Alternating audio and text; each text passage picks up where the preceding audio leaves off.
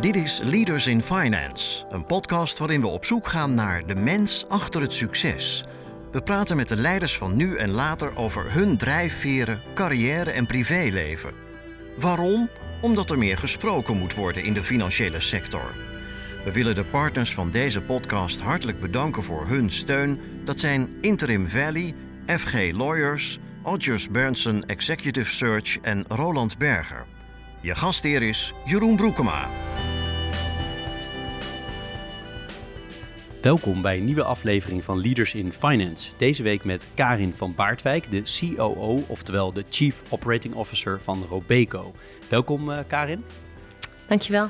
Leuk dat je de tijd neemt om met ons uh, in gesprek te gaan. Ja, heel leuk. Dat, dat, is, uh, dat is goed om te horen. Um, jouw naam spel je als Karin, K-A-R-I-N, en dan Van, en dan Baardwijk, B-A-A-R-D-W-I-J-K. Ik zal jou kort introduceren. Karin is zoals gezegd COO en daarnaast Deputy CEO van Robeco. Ze heeft een lange staat van dienst bij Robeco, 15 jaar, onder andere in de rollen van Chief IT Officer, hoofd van de Global Information Services en hoofd van de Operational Risk Management afdeling. Karin begon haar carrière in de financiële dienstverlening in 2004 bij KPMG Consulting, studeerde economie en rechten aan de Universiteit van Utrecht en om een beetje gevoel te krijgen voor wie dat niet uh, weet bij Robeco, een aantal cijfers met uh, peldatum december 2020. Robeco heeft 176 miljard euro assets under management. 160 miljard euro wordt gemanaged in wat wordt genoemd ESG Integrated Assets. 80 miljard wordt gemanaged in wat wordt genoemd quant models. En er werken 930 mensen bij Robeco in 17 kantoren wereldwijd. Tot slot, Karin is 44 jaar, is getrouwd, heeft twee zonen en woont in uh, Maarsen. En Karin, waar ik eigenlijk mee wilde beginnen is, je hebt heel veel functies gehad bij uh, Robeco tot op, uh, tot op heden. Is er nou een bepaalde functie die er voor jou nog steeds uitspringt? Jazeker. Um, ik denk dat de, de CIO, dus de Chief Information Officer, er duidelijk uitspringt. En ik denk eigenlijk dat dat komt omdat dat een functie was. Dat als je mijn familie en vrienden zou vragen of ik ooit die functie zou bekleden, ze dat echt, nou, daar zijn ze nooit op uitgekomen. Um, dus dat betekent ook als je nou, rechten en economie hebt gestudeerd, dat dat niet meteen het, uh, het logische pad was. Um, dus het is een functie geweest waarin ik uh, heb moeten leren, maar ook uh, een heel ander diertje was dan de meeste dieren in die technologiehoek. Uh, maar dat heeft me wel uh, uh, ja, veel gebracht. En, en, en, en, de organisatie die, die heeft natuurlijk ook eventjes moeten wennen. Van er komt iemand die niet die technologieachtergrond heeft op die stoel. En wat betekent dat nou eigenlijk voor ons? Nou, dat zijn mooie gesprekken met mensen geweest. Maar uiteindelijk ben ik ook trots op wat we met elkaar hebben kunnen realiseren. Betekent dat dan ook dat je ervoor gevraagd werd? Ja, ja, dat is een.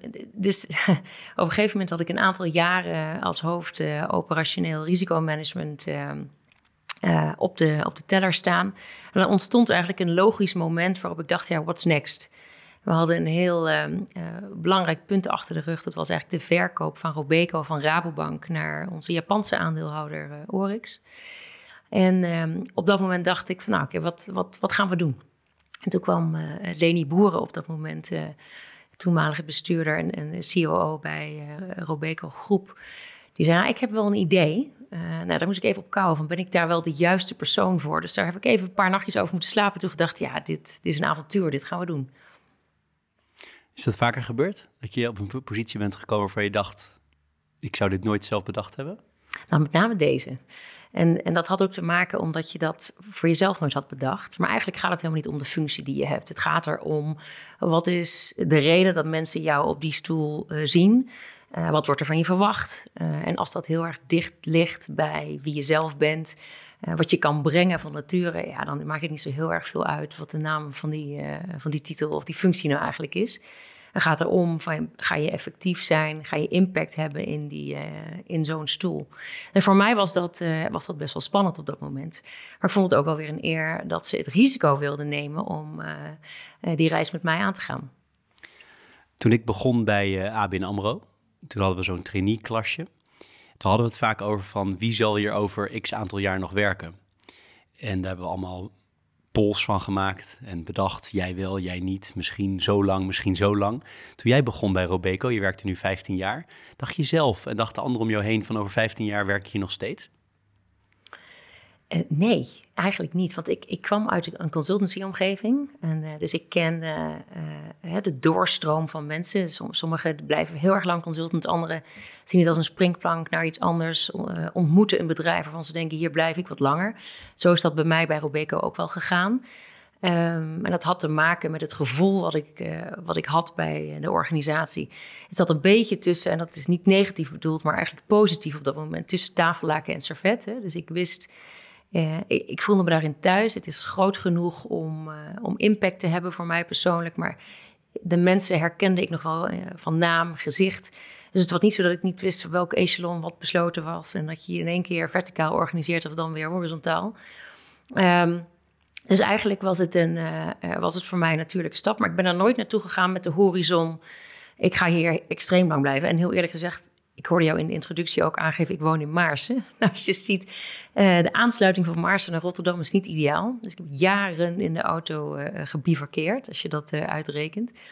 Maar ehm, ja, en dat betekent dus toch het feit dat ik er nog ben, dat het bedrijf alle uitdagingen en kansen heeft geboden om langer termijn daaraan te verbinden.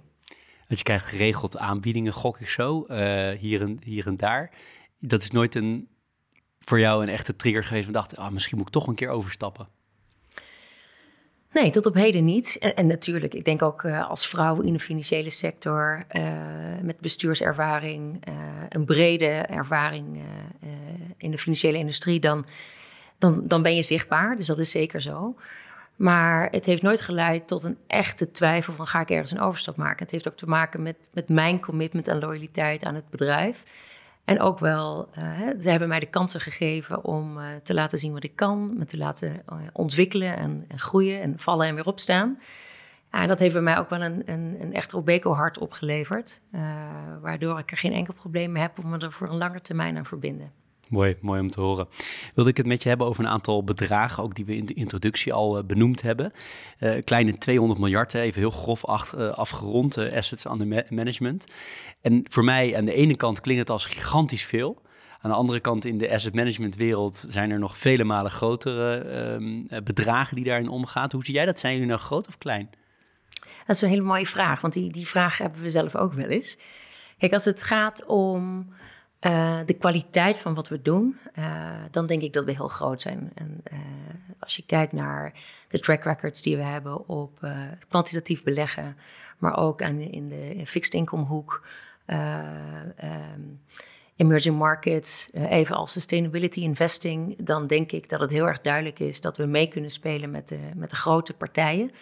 Als het gaat om het thought leadership wat we hebben, kwaliteit van mensen kunnen we ons daarmee meten. Ik denk, als je begon over cijfers, als het gaat over de schaal van de organisatie, dan moet je, uh, uh, dan moet je realiseren dat je niet de omvang van een BlackRock, Vanguard of Fidelity hebt. Um, maar dat je Robeco bent, een uh, pure actieve vermogensbeheerder in Nederland met grote ambities. Het andere getal wat ik interessant vond is die 160 miljard, waar ik in de introductie van zei, die wordt gemanaged in een ESG eh, e Integrated Asset omgeving. Uh, wat betekent dat? Ja, um, wat het eigenlijk concreet betekent is dat we ze geëermarkt hebben als uh, assets waarin ESG-factoren meegenomen zijn in de beleggingsprocessen. dus wij hebben eh, SI Research afdelingen waar we onderzoek doen. Uh, de data die daaruit naar boven komt, gebruiken we ook uh, heel actief in de beleggingsprocessen. En die hebben we dan ook de earmark gegeven als ESG Integrated.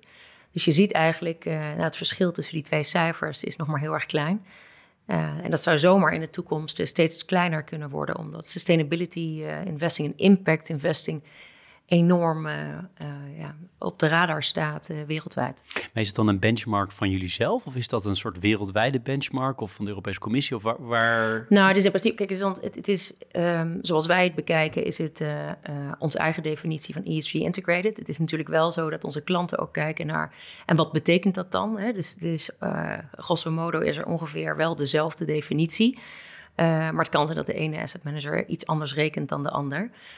Maar waar het vooral om gaat, is dat kun je aantonen dat de ESG-factoren, hoe ze tot stand zijn gekomen, hoe zijn ze meegenomen in beleggingsbeleid, beleggingsproces, hoe consistent wordt dat gedaan, ja, en met welke kwaliteit en onderliggende data. En ik denk dat we daar heel duidelijk kunnen laten zien uh, dat als wij iets ESG integrated noemen, dat het ook daadwerkelijk zo is. Bij mij zijn jullie bekend als een club die al heel vroeg met uh, sustainability, duurzaamheid, ESG's, hoe je het wil noemen, hè, uh, bezig waren. Kan je verklaren heel concreet hoe dat kwam, dat dat zo was? Nou, kijk, de, de, de duurzaamheid trend die je nu eigenlijk ziet, die is voor ons niet nieuw. We hebben natuurlijk in het verleden, uh, zijn er uh, eerdere bestuurders geweest die het vooruitziende uh, blik hebben gehad om ook uh, te investeren in een partij die, die SEM heette toen de tijd. Dat was echt een, een niche-speler op het gebied van sustainability investing. Um, hadden toen ook al allerlei high conviction producten, maar ook de, de, de impact producten. Uh, smart materials, healthy living, klimaat, energie, dat type uh, product. Um, terwijl eigenlijk de, de dominante factor van de investment capabilities uh, in Rotterdam en Robeco breed waren wat meer traditionele asset classes, zoals fixed income um, en kwant, emerging markets, alles wat ik fundamental equity, wat we, noem, wat we eerder al hadden genoemd. Um, maar met de tijd uh, zie je dat het terrein van sustainability investing heeft uh, gewonnen. De research, waar we eigenlijk uit alle winststreken al aandacht aan spendeerden, of het nou in de kwantitatieve hoek was of ergens anders, die leidde ertoe dat je ook binnen het Robeco-bedrijf steeds meer aandacht en tijd ging spenderen aan, aan duurzaamheid. Um, en dat begint bijvoorbeeld exclusion, hè, dus het uitsluiten van bepaalde tabaksindustrie of uh, wapenindustrie in het beleggingsbeleid.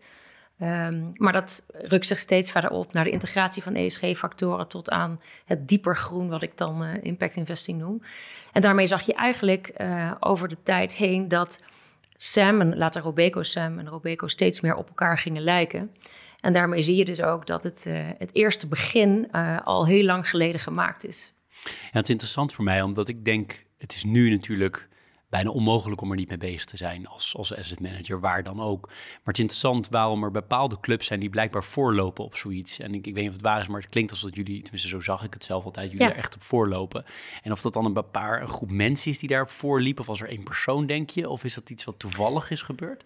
Nou ja, kijk, het is, je bent altijd bezig met wat is eh, vanuit een klantperspectief wat speelt er, maar ook maatschappelijk. Ik denk dat de, de, de hele shift die we zien van welvaart naar welzijn, die komt natuurlijk niet uit de lucht vallen. Dus je, hebt al, je bent niet bezig met morgen, maar je bent bezig met de dag daarna en overmorgen en alles wat daarna komt. dus het is zeker een vooruitziende blik geweest. Uh, de aankoop van SEM uh, is denk ik een hele goede keuze geweest. Maar al eerder vanuit het research-perspectief kom je natuurlijk uh, dit onderwerp enorm tegen. Dus wij hebben in een heel vroeg stadium erkend dat dit wel eens een keer een hele grote uh, investment capability van de toekomst zou kunnen zijn. Niet alleen omdat de klanten erom vragen, maar ook omdat er een heel groot maatschappelijk belang achter zit. Um, en dat maatschappelijke belang is, uh, is misschien nog wel groter dan het Robeco-belang hierin. Kan je iets meer vertellen over jullie aandeelhouder? En hoe onafhankelijk of niet onafhankelijk jullie zijn? Ja, nou, ik gaf net al aan, we hebben natuurlijk de transitie meegemaakt van een 100% dochter van de Rabobank naar Oryx, Japans private equity partij. Um, dat is natuurlijk best wel spannend. Hè? Wat, wat gaat dat betekenen en wat ga je cultureel daarvan merken? Wat je merkt is dat het eigenlijk een, een, een niet, nou ja, een on-Japanse uh, organisatie is in die zin. Een private equity partij met een lange termijn uh, uh, horizon. Um, waarbij wij een van de eerste Western European footprints voor Oryx waren. Dat is ook iets waar zij ja, naar uitkeken en ook trots op zijn. De intentie van Oryx is niet om zich te verdiepen in de bedrijfsvoering van Robeco. Dus zij uh, hebben niet heel veel Japanners naar Nederland gestuurd en gezegd van ga het vak ook leren, neem die kennis uh, mee. Nee, zij uh, laten ons volledig vrij. Er is heel veel vertrouwen vanuit de aandeelhouder naar, naar Robeco en onze strategie, de bedrijfsvoering. Dus het zit hem veel meer op nou ja, financiële consolidatie, uh, de financial stroom die we met elkaar hebben. Ook bespreken natuurlijk uh, wet en regelgeving, governance. kennisdeling, of dat nou op het gebied van technologie, information security is toevallig een onderwerp waar we veel ehm, samen in optrekken. Um, sustainability investing is er één. En hoe vertaal je nou bijvoorbeeld hè, het topic corporate sustainability in je organisatie? Hoe, ja, hoe pak je dat nou beter? Daar zijn we natuurlijk al iets langer mee bezig.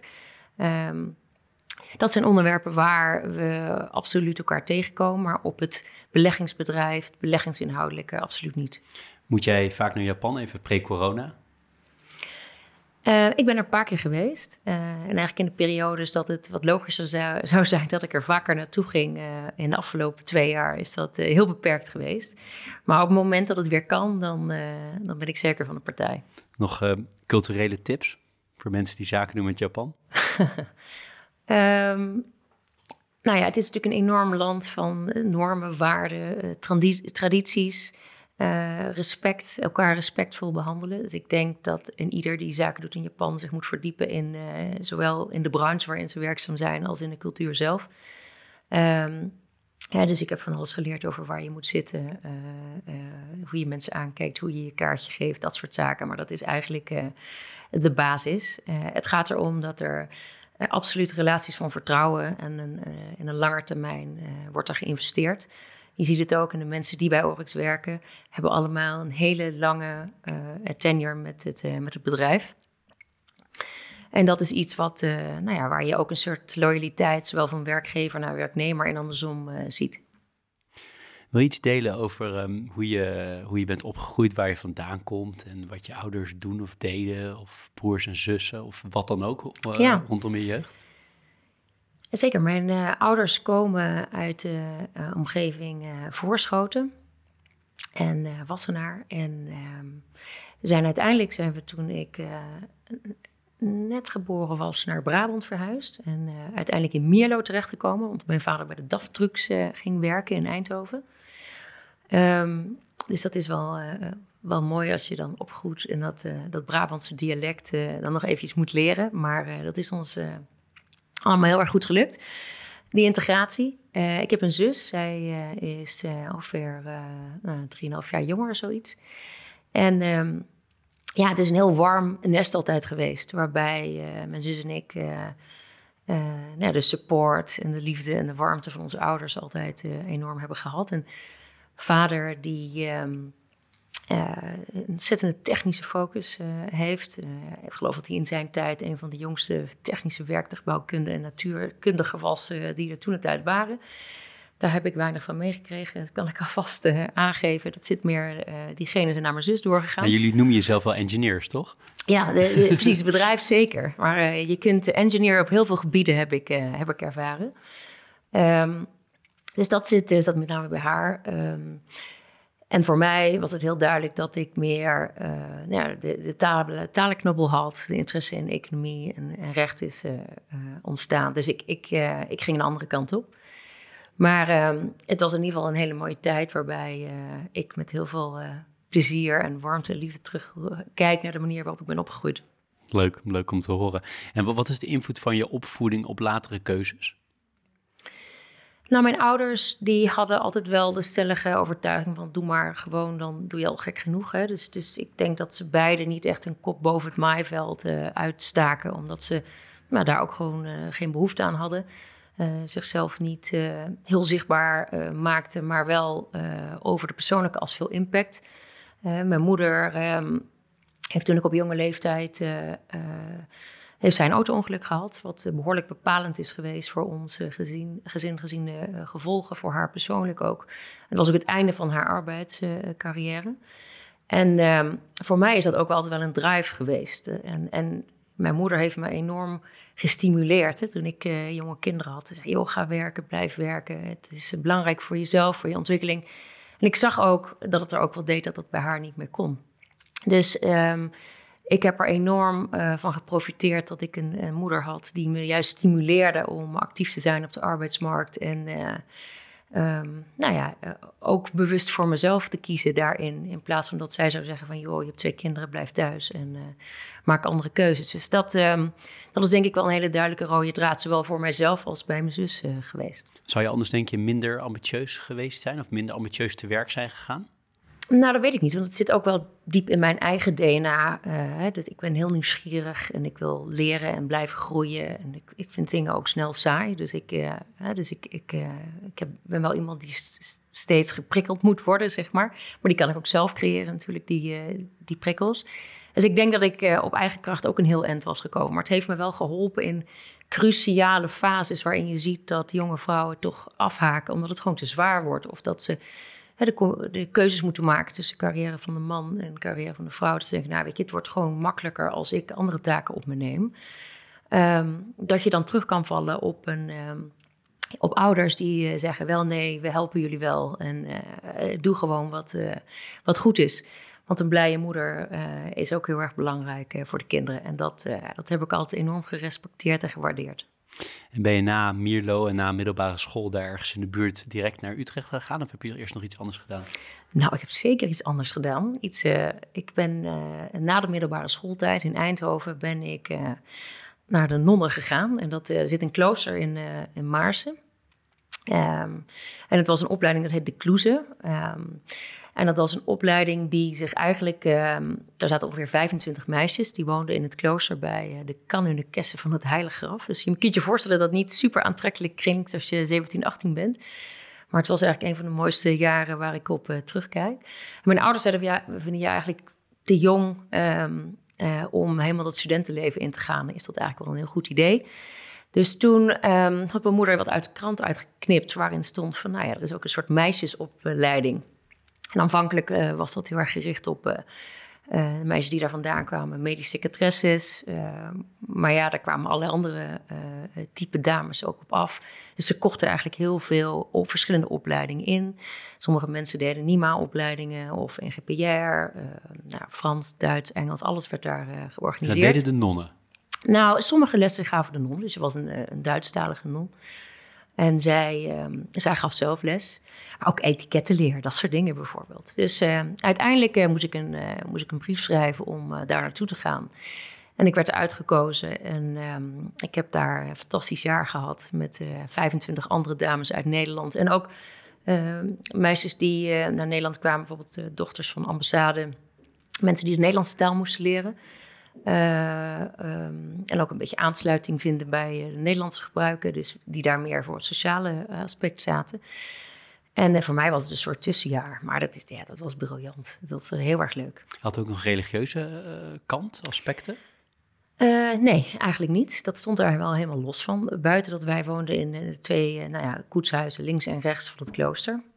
en dat klooster was heel erg sober ingericht. Um, en uh, het ontbijt, de lunch en het avondeten was dan ook in het klooster. Nu is dat op dit moment in, in een heel mooi restaurant in, uh, in, in Maarsen. Dus je komt er nog wel eens? Ik kom er nog wel eens. Ja, dat is heel gek, want dan ben je daar en dan sta je met vrienden en met een glaasje in de hand op een vrijdagavond voor de coronatijd uiteraard. En dan zie ik mezelf daar met zo'n zo'n car de refter ingaan om de tafelkleden schoon te schuieren, zeg maar, met een, met een mesje en soort monnikenwerkje was dat, om dat allemaal schoon te krijgen. En dat, ja, dan denk je van, dat kan toch niet waar zijn dat ik hier gewoon drie keer per dag uh, was, wat het nu een restaurant is. Dus het is... En wat je leerde was ook gewoon een stuk, wie ben ik zelf, los van je ouders. Eerste stappen in het volwassen leven, je losrukken van, um, van een gezin, eigen identiteit opbouwen. En dat, uh, ja, dat was heel erg mooi. En heb je daar nog vrienden over gehouden? Ja, absoluut. Er zijn een aantal die ik eh, nog steeds spreek. Uh, alle jaargangen hebben ook nog echt wel contact met elkaar. De hoofdpriorin, uh, zuster Margret, is recentelijk overleden. Ja, toen zag je allerlei mensen van ongeveer 60 jaar dat die school heeft bestaan. allemaal vrouwen elkaar weer, weer tegenkomen. Um, en met de meeste heb ik nog, in ieder geval mijn hechte groepje van toen heb ik echt nog wel contact. En een van de dames ben ik ook later mee gaan studeren in Utrecht. Dus je, je hebt echt een band met elkaar opgebouwd. En je kunt het ook aan anderen niet uitleggen hoe het was om op die leeftijd daar te zijn. Dat was, uh, dat is een mooie ervaring. Ik zal er zo voor ophouden, maar nog één vraag. ik ben ja, wel geïntrigeerd. Ik wist niet dat dit er achterweg zou komen. Ik dacht dat je gewoon zou zeggen, ik ben in Utrecht gaan studeren. Ja, precies. Um, was het nou zo dat je ouders zeiden, daar moet je heen? Of was het zo van, Karin, wil je hierheen? Dit lijkt ons interessant. Nou, het was win-win eigenlijk. Want ze hadden al lang in de gaten dat ik echt niet van plan was om nog in uh, Mierlo uh, rond te blijven hangen. Uh, en dat leek me gewoon niet zo'n heel erg goed idee. Uh, maar aan de andere kant, mij helemaal loslaten naar Utrecht gaan, daarvan hadden ze zoiets van, hm, moeten we dat wel doen? Dus die combinatie was eigenlijk van, oké, je kunt gaan, uh, maar dan uh, laten we het op deze manier doen. En, en door de week woon je daar dus ook intern in de weekenden, dan, ehm, dan ging ik weer naar huis of ik kon daar ook wel blijven. Um, en zo heb je dus jezelf een beetje losgeweekt van, van het gezinsleven in Mierlo. Um, en de grap is eigenlijk ook dat ik daarna natuurlijk ben gaan studeren. En, een van de eerste huizen die ik kocht was ongeveer pal naast dat, uh, naast dat klooster. Dus dat was een soort full circle uh, gevoel. Nou, moet een bijzondere plek voor je zijn. Ik kan Absoluut. me voorstellen. Ja. ja. En waarom economie en later rechten of andersom? Het is begonnen met rechten. Uh, en zoals veel rechtenstudenten, niet zozeer een hele bewuste keuze van ik wil advocaat worden, ik wil rechter worden of ik wil die kant op. Maar een keuze van ik dacht van hé, hey, dit is wel iets wat, wat me ligt. Um, uh, ik had ook uh, Latijn gedaan. Ik denk van, nou ja, weet je, daar zal ik vast nog wel wat aan hebben in de Textus Juri Romani die voorbij kwam. Um, dus um, daar ben ik mee begonnen. Nou ja, daarna dacht ik van, jee, maar zo'n eerste jaar, dit is, wel, is dit het wel? Hoeveel energie krijg ik hiervan? Maar het ging wel goed. En toen ben ik eigenlijk op zoek gegaan naar andere um, opleidingen die ik zou kunnen combineren. Nou, weet je, je ziet vaker een combinatie met geschiedenis of met psychologie. Uh, en ik koos voor, uh, voor economie. Dat was overigens niet een hele makkelijke keuze in Utrecht, want dat was er niet echt een economiefaculteit. Dus uh, ik denk dat ik wel een van de eerste afgestudeerde proefkonijnen zeg maar, uh, was voor de Universiteit Utrecht ook om ehm, na te denken van ja, hoe gaan we dit verder uitbreiden. Uh, dus er was heel veel uh, traffic met de Erasmus Universiteit, uh, samenwerkingen en ook afstemmen wanneer doe je dan tentamens. En toen we klaar waren, was, stond daar ook echt een volledige, ze noemden dat dan domeingerichte economie. en kwam die economiefaculteit daar ook heel duidelijk. Maar die combinatie, ja, die, ehm, die, die lag me heel erg goed. Hoe omschrijf je je studententijd verder los van het studeren? Ja, mooi. Hartstikke leuk. Ik, uh, ik ben wel uh, ik ben lid geweest van een studentenvereniging. Daar uh, heel veel contacten op gedaan. Ik was nooit het grootste feestbeest wat er was. dus ik, natuurlijk stond ik op tafels en drie uur s'nachts en was het allemaal gezellig. Maar als ik dat één keer in de week had gedaan, dan vond ik het eigenlijk wel oké. Dus um, maar ik heb enorm genoten van uh, ja, alle sociale events en het plezier. Uh, het netwerk wat we nu ook nog met elkaar uh, hebben. De een heeft ontzettend veel en intensief contact met elkaar. En de ander ziet elkaar heel af en toe. Maar als je elkaar spreekt, is het alsof het de dag van gisteren was. Ja, dat is natuurlijk wel een hele bijzondere tijd die je ook wel vormt. Voor mij was het alleen wel de combinatie met twee studies. Um, allerlei bijbaantjes die ik nog erbij had. Dus ik deed van alles en nog wat. Wat voor bijbaantjes heb je gedaan? In mijn studententijd? Mm -hmm. uh, nou, dat is van uh, uh, secretaresse zijn op verschillende plekken tot aan administratieve werkzaamheden die ik deed. natuurlijk gewoon in de kroeg werken ergens. Um, nou ja, van alles en nog wat. Maar ik, alles wat ik aanpakte, dat deed ik ook wel serieus, ook al was het een bijbaan. Um, dus ik was altijd druk bezig. En wanneer wist je dat je de financiële sector interessant zou gaan vinden? Nou ja, dat ontwikkel je natuurlijk ook wel een beetje in je economiestudie, uh, waarbij je uh, natuurlijk van alles nog wat voorbij ziet komen. Dat je handen ook wel jeuken van hoe werkt het dan in de praktijk en, en hoe vertalen die boeken zich naar uh, wat er dan daadwerkelijk in markten gebeurt of in de financiële industrie. Ik denk met name in mijn eerste baan, hè, een van je eerdere sprekers was Annette Mosman. Uh, CEO bij APG. En zij heeft mij aangenomen bij uh, KVMG Consulting toen de tijd. Uh, en daar, ja, dat, dat, dat, was één groot feest. Allemaal jonge, eager mensen die, um, die met elkaar heel veel plezier maakten, maar tegelijkertijd ook stappen wilden zetten op hun eerste carrièrepad. Dus ik kwam ook bij ABN AMRO terecht, ING terecht, heel veel financials. Je kon in heel veel keukens kijken en toen dacht ik, ja, dit is natuurlijk wel heel erg interessant. Dat was in de Sarbanes-Oxley in uh, Basel II-tijd. Eh, en uh, dat waren natuurlijk heel veel grote projecten. Als ik nu terugkijk, was het natuurlijk ook af en toe wel best saai. Hè? Want die, die SOX-projecten die waren natuurlijk tergend gedetailleerd. En daar sloegen we hem collectief denk ik af en toe ook wel in door. En daar hebben we denk ik de balans later wel weer in gevonden. Um, maar je, ja, je, je leert veel van elkaar. Je hebt een kennisorganisatie achter je. Uh, maar je leert ook van veel van de dynamiek die hier bij je klanten ehm, bestaat.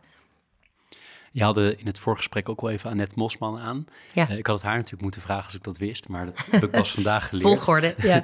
maar heb jij enig idee waarom ze jou aannam?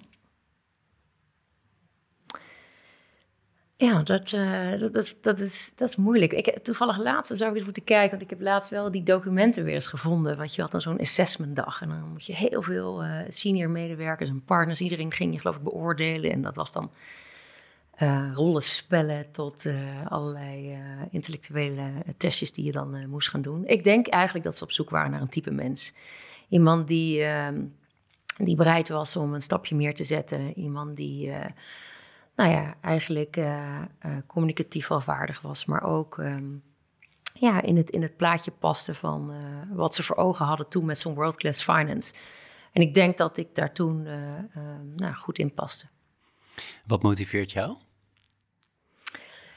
Ja, toch wel de mensen om me heen. Ik, ik ehm, heb ontzettend, ontzettend veel energie. En dat is ook wel nu de, de struggle af en toe met het hele COVID-verhaal. je ziet elkaar niet een groot deel van het plezier van mijn werk is toch wel met elkaar zijn. Of dat nou op reis of uh, bij de klant of op kantoor is. Um, dat is toch anders dan achter een scherm. Dus ik, ik mis dat, die dynamiek met mensen. Um, als ik een paar gesprekken heb gehad op een dag waarbij ik merk dat ik iemand heb kunnen raken, of waarbij ik merk dat ik iemand een stap verder heb kunnen helpen, um, of een ander perspectief heb kunnen geven, dan merk ik dat ik gewoon met heel veel energie weer thuis kom. En dat, uh, ja, dat mis ik enorm. En de mensen die voor jou werken, direct of indirect, hoe motiveer je hen? Um, nou, ik ben iemand die, uh, dat doe ik eigenlijk al van kinds af aan, enorm observeert. Dus wat, uh, wat doet iemand, hoe kijkt iemand, hoe gedraagt iemand zich, wat zeggen ze, wat zeggen ze niet, uh, non-verbaal. Dus ik ben ook hè, daar wel sensitief. Dus ik heb vrij snel in de gaten hoe iemand in zijn vel zit. En kan dus ook inspelen op wat ik zie gebeuren. Ook als iemand dat nog niet uit, uh, dan kan ik er vragen naar stellen of um, het gesprek met ze aangaan. En ik merk dat mensen wel waarderen dat je die persoonlijke aandacht voor mensen hebt. Maar ook dat als ze ergens gewoon inhoudelijk mee zitten, um, dat ze bij je kunnen komen, dat ze zich welkom voelen en dat je de tijd voor ze neemt om, ze te woord te staan en ze niet uh, aan een lot over te laten. En dat is natuurlijk ik heb best een aantal verantwoordelijkheden verzameld uh, binnen Robeco. Dus af en toe best wel lastig om dat zeg maar uh, tijdsefficiënt uh, te doen. Maar ik probeer wel als ik met mensen in contact ben in het hier en nu te zijn en ze die aandacht te geven waarvan ik ook duidelijk voel dat, dat die nodig is. En dat is in één op één relaties of in kleine groepjes natuurlijk mogelijk. Maar als het echt gaat om, jullie hebben bijna duizend mensen. als jij de grotere groepen wil motiveren, wat is jouw methode daarvoor? Nou, dat is denk ik toch ook wel uh, de open deur, maar het leading by example. Hè? Dus het is toch ook wel het uit. Wat straal je zelf uit? Uh, welke toon heb je? Uh, welk gedrag laat je zien? hoeveel plezier heb je zelf in je werk? Um, en het enthousiasme overbrengen, wat ik zelf ervaar voor het bedrijf, voor de mensen. Um, dus dat is denk ik iets wat ik, wat me niet eens meer energie kost, wat je gewoon doet. Um, en daarnaast is het natuurlijk ook wel als je wat moeilijkere boodschappen hebt, is het uh, de transparantie opbrengen om uh, aan te geven: jongens, er speelt iets, uh, of we hebben een probleem of een issue, moeten we gezamenlijk oplossen, schouders eronder, um, door de voordeur, dat soort dingen. En ik denk dat mensen dat, um, dat ook wel waarderen. Hoe ga je om met situaties waarvan je denkt: dit gaat echt helemaal mis op dit moment? Dan wel bij jezelf, dan wel in de organisatie. Is natuurlijk een heavily regulated industry. Maar daar gebeuren ook wel eens dingen waarvan je denkt: oh, dat, dit moet echt niet. Het gaat echt de verkeerde kant op. Zonder misschien voorbeelden te geven. Maar hoe ga je daarmee om? Hoe reageer jij? Nou ja, dus, dus um, het is zo dat, je, dat sommige situaties zich aandienen eerst met kleine haarschuurtjes. Uh, en en nou dankzij uh, in ieder geval mijn observatievermogen heb ik wel vaak haarscheurtjes al in de gaten. Maar het gebeurt natuurlijk ook wel eens dat dat het niet zo is. Um, en afhankelijk van wat het is, schrik je natuurlijk ook wel een beetje van, oh, wacht, wat gebeurt er? Het enige wat ik nooit doe, is het laten liggen. Eromheen werken of uh, het onder het tapijt schuiven of bedenken van, nou, dit komt morgen wel. Het is beetpakken, bekijken en niets mee doen. Uh, bespreekbaar maken. Ehm, en dat is iets wat, wat ook wel in de cultuur van Robeco uh, zit. Het is een hele um, hands-on, uh, executiegerichte organisatie. Waarbij um, natuurlijk is ons bedrijf ook hiërarchisch, maar het is niet zo dat je heel veel afstand hebt tussen mensen die uh, met de uitvoering van werkzaamheden bezig zijn en de mensen die het beleid maken. Dus als je je vinger opsteekt van hé, hey, ik zie wat, ik merk wat, iets gaat niet goed, dan heb je vrij snel de aandacht. En dat, um, nou ja, dan wordt er eigenlijk meteen plannen gemaakt op hoe gaan we bijsturen en hoe pakken we het aan. En ik ben daar wel vaak iemand in die een, denk ik ook wel drijvende kracht is in, uh, in de oplossingsrichting. Als je kijkt naar jouw toegevoegde waarde um, in de organisatie, maar ook breder in de samenleving, wat, wat is voor jou dan de belangrijkste toegevoegde waarde die je wil hebben? Ja, dat zit hem denk ik toch ook wel in um, een impact hebben. dus dus het, het ergens mee bezig zijn waar je een verschil kan maken. En dat is ook wel wat ik merk in, in die hele discussie rondom uh, duurzaamheid, sustainability investing. Hè, wat, wat gaat niet alleen om, om Robeco en beleggingsresultaten en, winst en dat soort zaken. Maar het gaat ook het hebben van real world impact. En dat gaat over wat gebeurt er um, wereldwijd, um, waar we allemaal een verantwoordelijkheid in hebben, collectief. En hoe kun je er nou voor zorgen dat jouw bedrijf, en dat begint bij ieder individu, daar um, een verschil in kan maken. Dus uh, dat, geldt ook, uh, dat geldt ook voor mezelf. Dus die persoonlijke impact, en dat, dat hoeft niet altijd groot en meeslepend te zijn. Dat kan ook gewoon zijn de persoonlijke impact die ik vandaag op iemand anders heb die blijer naar huis gaat of een fijnere dag heeft. Dat, dat zit heel diep van binnen in mij dat ik dat, uh, dat, ik dat graag wil bewerkstelligen.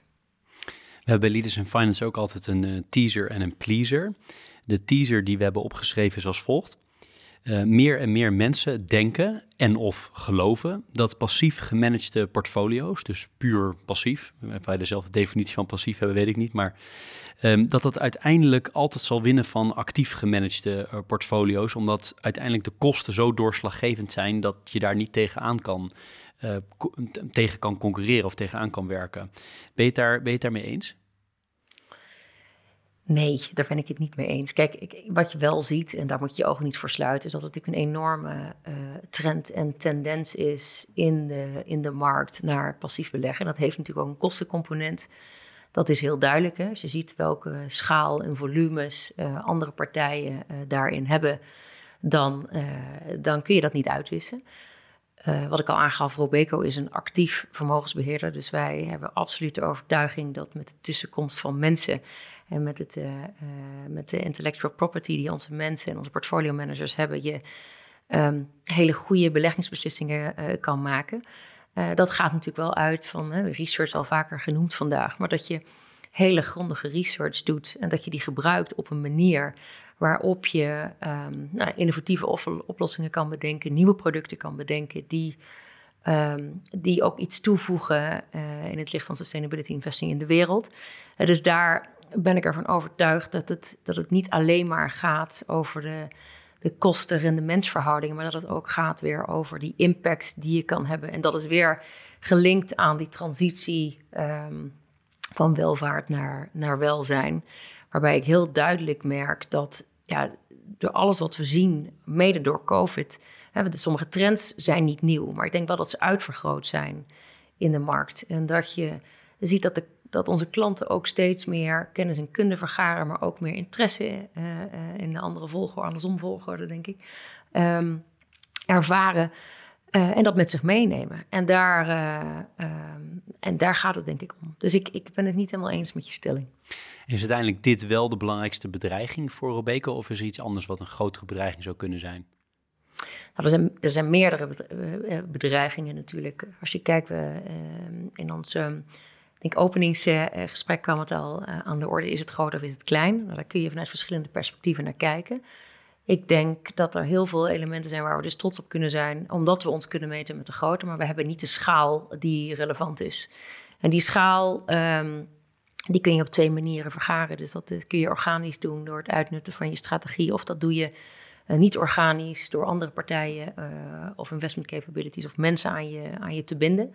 ik denk dat het op termijn wel heel erg belangrijk wordt hoe groot die schaal is en hoe impactvol je daarmee kan zijn. Omdat je, ziet dat aan de kostenkant. Ehm, hè, dus we kijken natuurlijk ook vaak naar parameters als een kost-income uh, die kostenkant die blijft stijgen. Je moet continu investeren om up-to-speed te blijven in technologie. Uh, dat vraagt uh, enorme hoeveelheden, maar wet en regelgeving. we zien van alles en nog wat op ons afkomen, wat zo ontzettend diep ingrijpt in de kern van je organisatie, dat je um, ja, je mensen moet aannemen, dat, je, dat je veel kosten moet maken. Dus ik denk dat als je naar die balans kijkt, dat je heel duidelijk ziet dat die, uh, ja, dat die kostenkant eh, nog, wel even, nog wel even blijft spelen. We komen straks op het einde nog even over de toekomst te, te spreken. Maar eerst de, aan de pleasende kant. Zijn er bepaalde boeken die jij graag uh, leest, soort boeken? Of is er een specifiek boek die dat veel impact op jou heeft, gema- heeft gehad? Of lees je eigenlijk helemaal niet graag en heb je iets heel anders te delen op, op, in ja. die hoek? Nou, ik lees eigenlijk wel graag, maar wel vaker op vakantie of op het moment dat ik rust heb. Want uh, anders dan, ja, dan begin ik denk ik 25 keer in hetzelfde boek op dezelfde bladzijde en dan val ik gewoon in slaap. Dus wat ik, wat ik wel heb is dat ik, um, uh, nu ik meer wandel af en toe buiten, dat je ook naar podcasts luistert, van alles en nog wat door elkaar heen. Soms jonge start-ups of uh, mensen die een leuk verhaal te vertellen hebben. Zelfs een detective heb ik een keer geluisterd, alles nog wat door elkaar heen. Maar ik had natuurlijk het boek um, uh, uh, van David Attenborough uh, gelezen.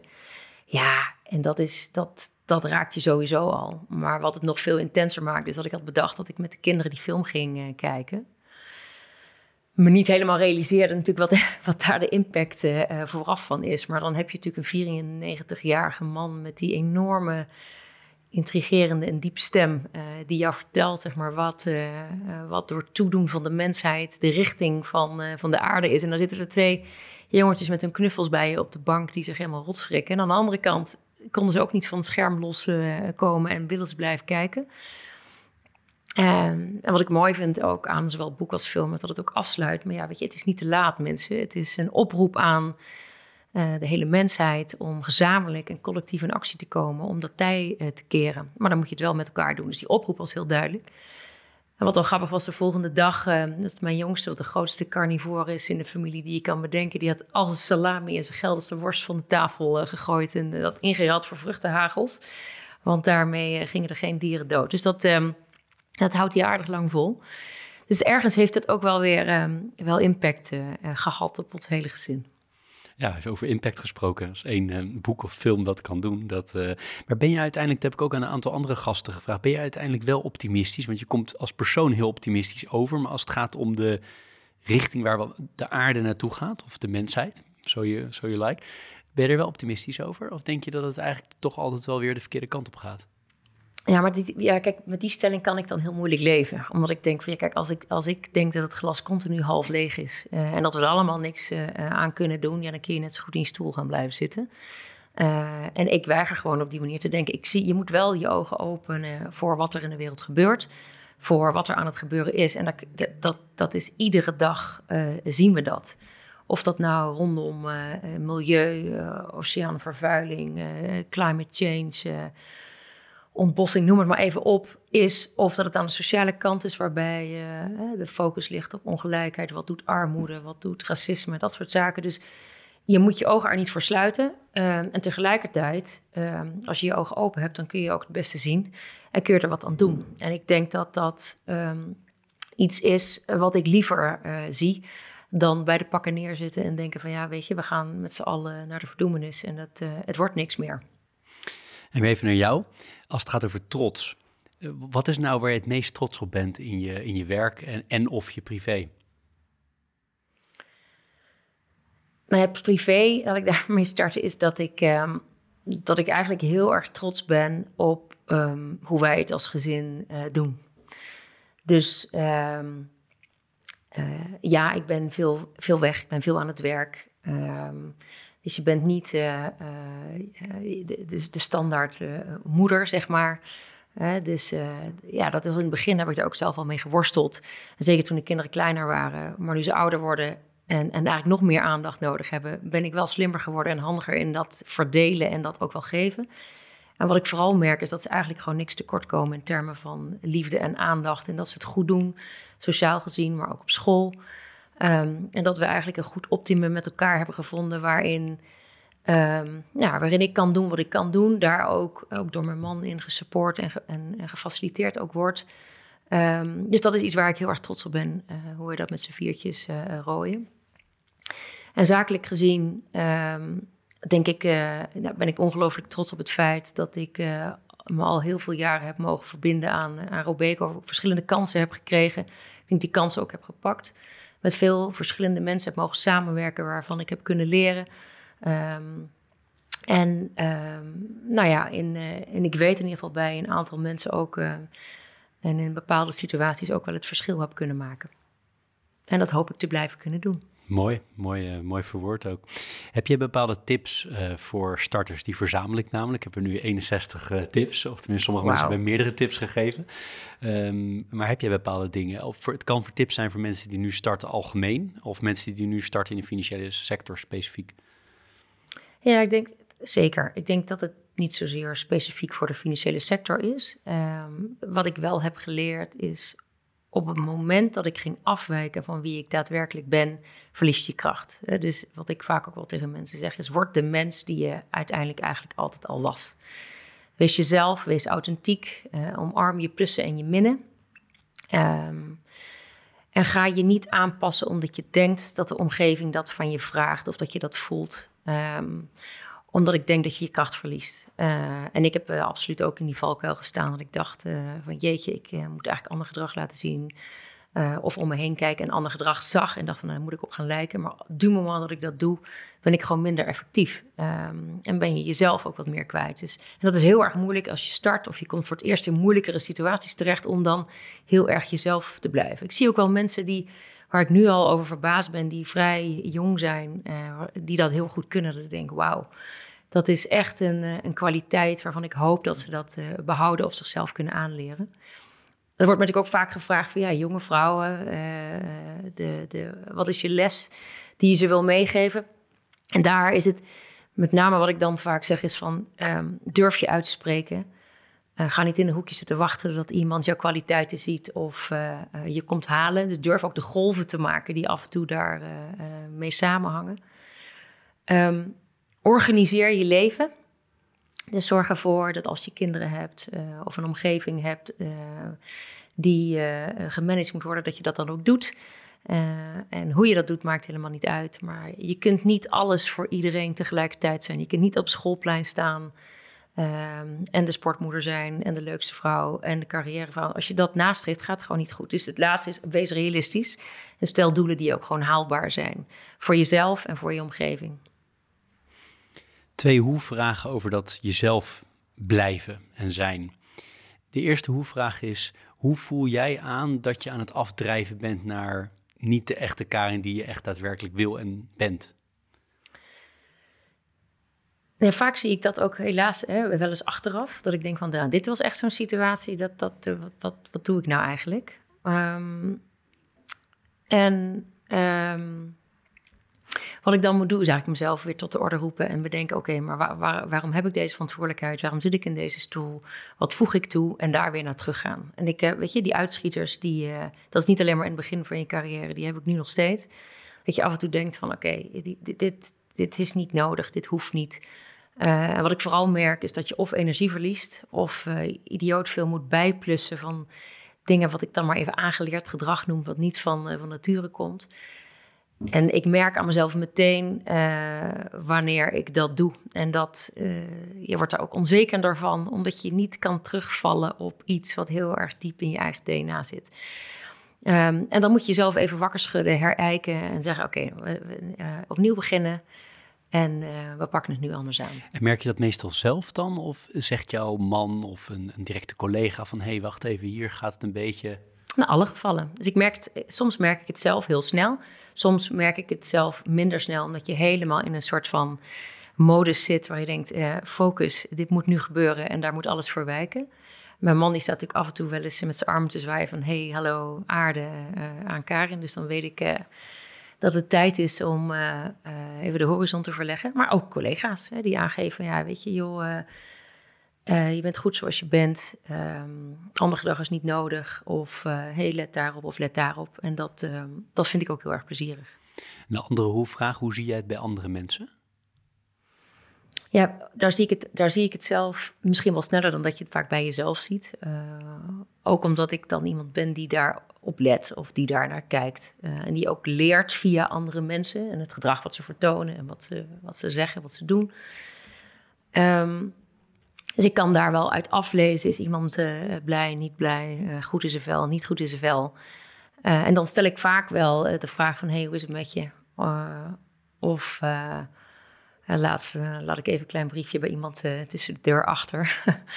en dat is dan mijn manier om heel eventjes te zeggen, hey, ik heb je gezien, ik denk aan je. Of ik weet dat je druk bent, altijd ook. En dat, um, nou, dat helpt mensen ook vaak wel weer eventjes zo richting de, de afronding toewerkende. Hoe blijf jij fit, zowel mentaal als fysiek? Ja, uh, nou mentaal is, uh, is uh, op de een of andere manier ben ik veel met mijn werk bezig. Uh, en dat, is, dat klinkt gek op de een of andere manier. Je bent in termen van uren ben je natuurlijk heel veel mee bezig. Maar ik ben ook wel uh, s'nachts af en toe met mijn werk bezig. Omdat je dan ideeën krijgt of wel eens wakker ligt en denkt van... hé, hey, dit, dit gaan we op deze manier aanpakken. Maar ik merk heel duidelijk wanneer je zeg maar een bepaalde moeheid uh, bereikt. Of dat je merkt dat je dwars wordt of gaat zeuren of weet ik het wat. En dan heb je natuurlijk al je stootkussens, je familie, je vrienden die zeggen: hey, hallo. Dus daarmee merk ik het wel. Goed slapen is voor mij ongelooflijk belangrijk. Slaap ik heel erg goed, kan ik de wereld aan. Slaap ik een paar avonden achter elkaar niet, dan wordt het echt wel wat lastiger. Ook van mijn omgeving heb ik gehoord. Um, nou ja, en lichamelijk, dat, dat, ik ben niet van nature de topsporter die, uh, die dat heel goed kan combineren. Ik heb ontzettend veel bewondering voor mensen die dat, uh, die dat wel kunnen en daar heel goed op kunnen letten. Uh, maar ik weet wel van, ja, weet je, doe ik niks, dan, dan weet nou ja, goed, je zit in een auto, je zit op je bureaustoel en dat is het dan. Um, en ik merk hoe goed het me mentaal ook doet als ik die fysieke beweging heb. Dus ik heb um, een dame die, die mij helpt en daar een soort personal trainer die die weet wat goed voor me is en me daarin begeleidt. En tegelijkertijd probeer ik te wandelen, de ontspanning van buiten te vinden, want ik ben wel echt een buitenmens, uh, ben ik achter. Uh, en eigenlijk in die coronatijd pas ontdekt dat wat wandelen voor je kan, kan doen.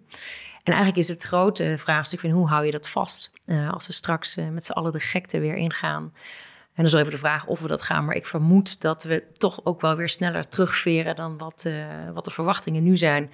Want die verwachtingen hebben we nu vanuit de situatie waar je vandaag de dag in bent. Maar ik denk dat dat ook op een gegeven moment wel weer opschuift. En hoe hou je dan vast wat je aan inzichten en aan uh, nou ja, uh, uh, zelfcare hebt ontwikkeld in, in die coronatijd? Een laatste vraag. naar de toekomst kijkende voor Karin en naar de toekomst kijkende voor Robeco. Nou ja, voor mij is private equity altijd een, een, een vorm van um, aandeelhouder die op een zeker moment weer vanaf wil. Dus ik ben benieuwd wat Robeco over vijf of tien jaar, of welke tijdstermijn jij eraan wil koppelen, waar dat naartoe gaat, jouw visie daarop. En waar Karin naartoe gaat. We hadden vorige week, of de week daarvoor, hadden we Nieke Martens van de Rabobank. Die was heel duidelijk over. Ik stelde een vergelijkbare vraag. Die zei, nou, ik wil gewoon uh, ergens uh, de raad van bestuur in. Nou, in jouw geval zit je dat al. Dus ergens anders misschien de daadwerkelijke CEO-positie bekleden. Dus ik ben benieuwd beide richtingen in hoe jij naar de toekomst kijkt. Ja, kijk, vanuit een private equity perspectief denk ik um, en hoop ik dat we nog uh, heel lang kunnen profiteren van, uh, van Oryx als aandeelhouder. Ook omdat het um, uh, een partij is die tot nu toe kapitaalkrachtig is en ook ons daar enorm in support. Zowel in de uitvoering van de strategie als ook um, nou ja, beschikbaar stellen van het seedingboek, waardoor we ook nieuwe producten makkelijk kunnen, kunnen lanceren. Um, en ons ook vrijlaten in de keuzes die we zeg maar uh, daarin maken, tot, uiteraard tot op zekere hoogte. Het is natuurlijk wel zo dat Oryx niet alleen Robeco heeft en uh, heel veel andere dochterondernemingen heeft met een um, historie, met name in de leasing business, maar ook in entertainment business. Um, en um, ja, daar, daar hebben ze natuurlijk af en toe ook uh, moeilijk gehad in die, in die coronacrisis. Dus je kunt nooit in de toekomst kijken. Wat ik wel heb gezien is dat tot nu toe de berichtgeving vanuit Japan is uh, dat ze Robeco willen laten groeien. Um, en dat ze daar de volledige support voor hebben. Maar zekerheid natuurlijk in deze wereld heb je nooit. Dus dat daar voor mij persoonlijk, ik denk de jas die ik nu heb, die past me heel erg goed. Ehm, de raad van bestuur en alle dynamiek die daarbij komt kijken, die uh, van links naar rechts, naar onder naar boven, is iets waar ik niet van schrik. Maar waarvan ik uh, me eigenlijk juist voel als een vis in het water in, uh, in die complexiteit en dynamiek. Dus ik hoop dat ik daar nog heel lang in, in, kan, in kan verkeren. Vanaf afgelopen jaar ook de rol deputy CEO op me genomen. En dat geeft me ook wat meer ruimte om ook in gesprek te zijn met onze klanten, uh, bezig te houden met andere hoeken van de organisatie buiten uh, het CEO-domein. Um, ehm, ja, dus daar, uh, daar zie ik voldoende ruimte om mezelf te ontwikkelen in de komende periode. Maar er is wel ambitie om ooit nog ergens helemaal eind, eindbaas, klinkt zo studenticoos, maar de CEO-rol te vervullen. Zeker. Tot slot, is er iets waarvan jij zegt, Jeroen, ik vind het jammer, je hebt heel veel gevraagd, maar iets waarvan ja, ik dacht dat je het zou gaan vragen, had ik graag antwoord op gegeven, of iets anders wat je graag nog wilt delen met ons? Uh, nee, we hebben mooie omzwervingen gemaakt vanuit Brabant via kloosters naar uh, Mars en Rotterdam. Dus uh, ik denk full circle. De rest mij jou heel erg te bedanken voor je openheid en het leuke gesprek. Met dank aan Bloemon krijg je zo meteen een, een bedankje voor de tijd die je hierin gestoken hebt. En uh, nogmaals, uh, heel veel dank uh, voor, um, voor wat je hebt gedeeld met Leaders in Finance. Dankjewel.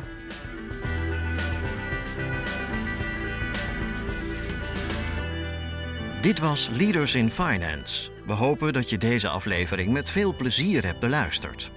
We stellen je feedback erg op prijs. Wat houdt je bezig en over wie wil je meer horen? Laat het weten via een Apple of Google review. Dat kan ook via de sociale media-kanalen of direct via een e-mail. We kunnen het enorm waarderen als je dat doet. Tot slot danken we onze partners voor hun steun. Dat zijn Interim Valley, FG Lawyers, Odgers Berndsen Executive Search en Roland Berger.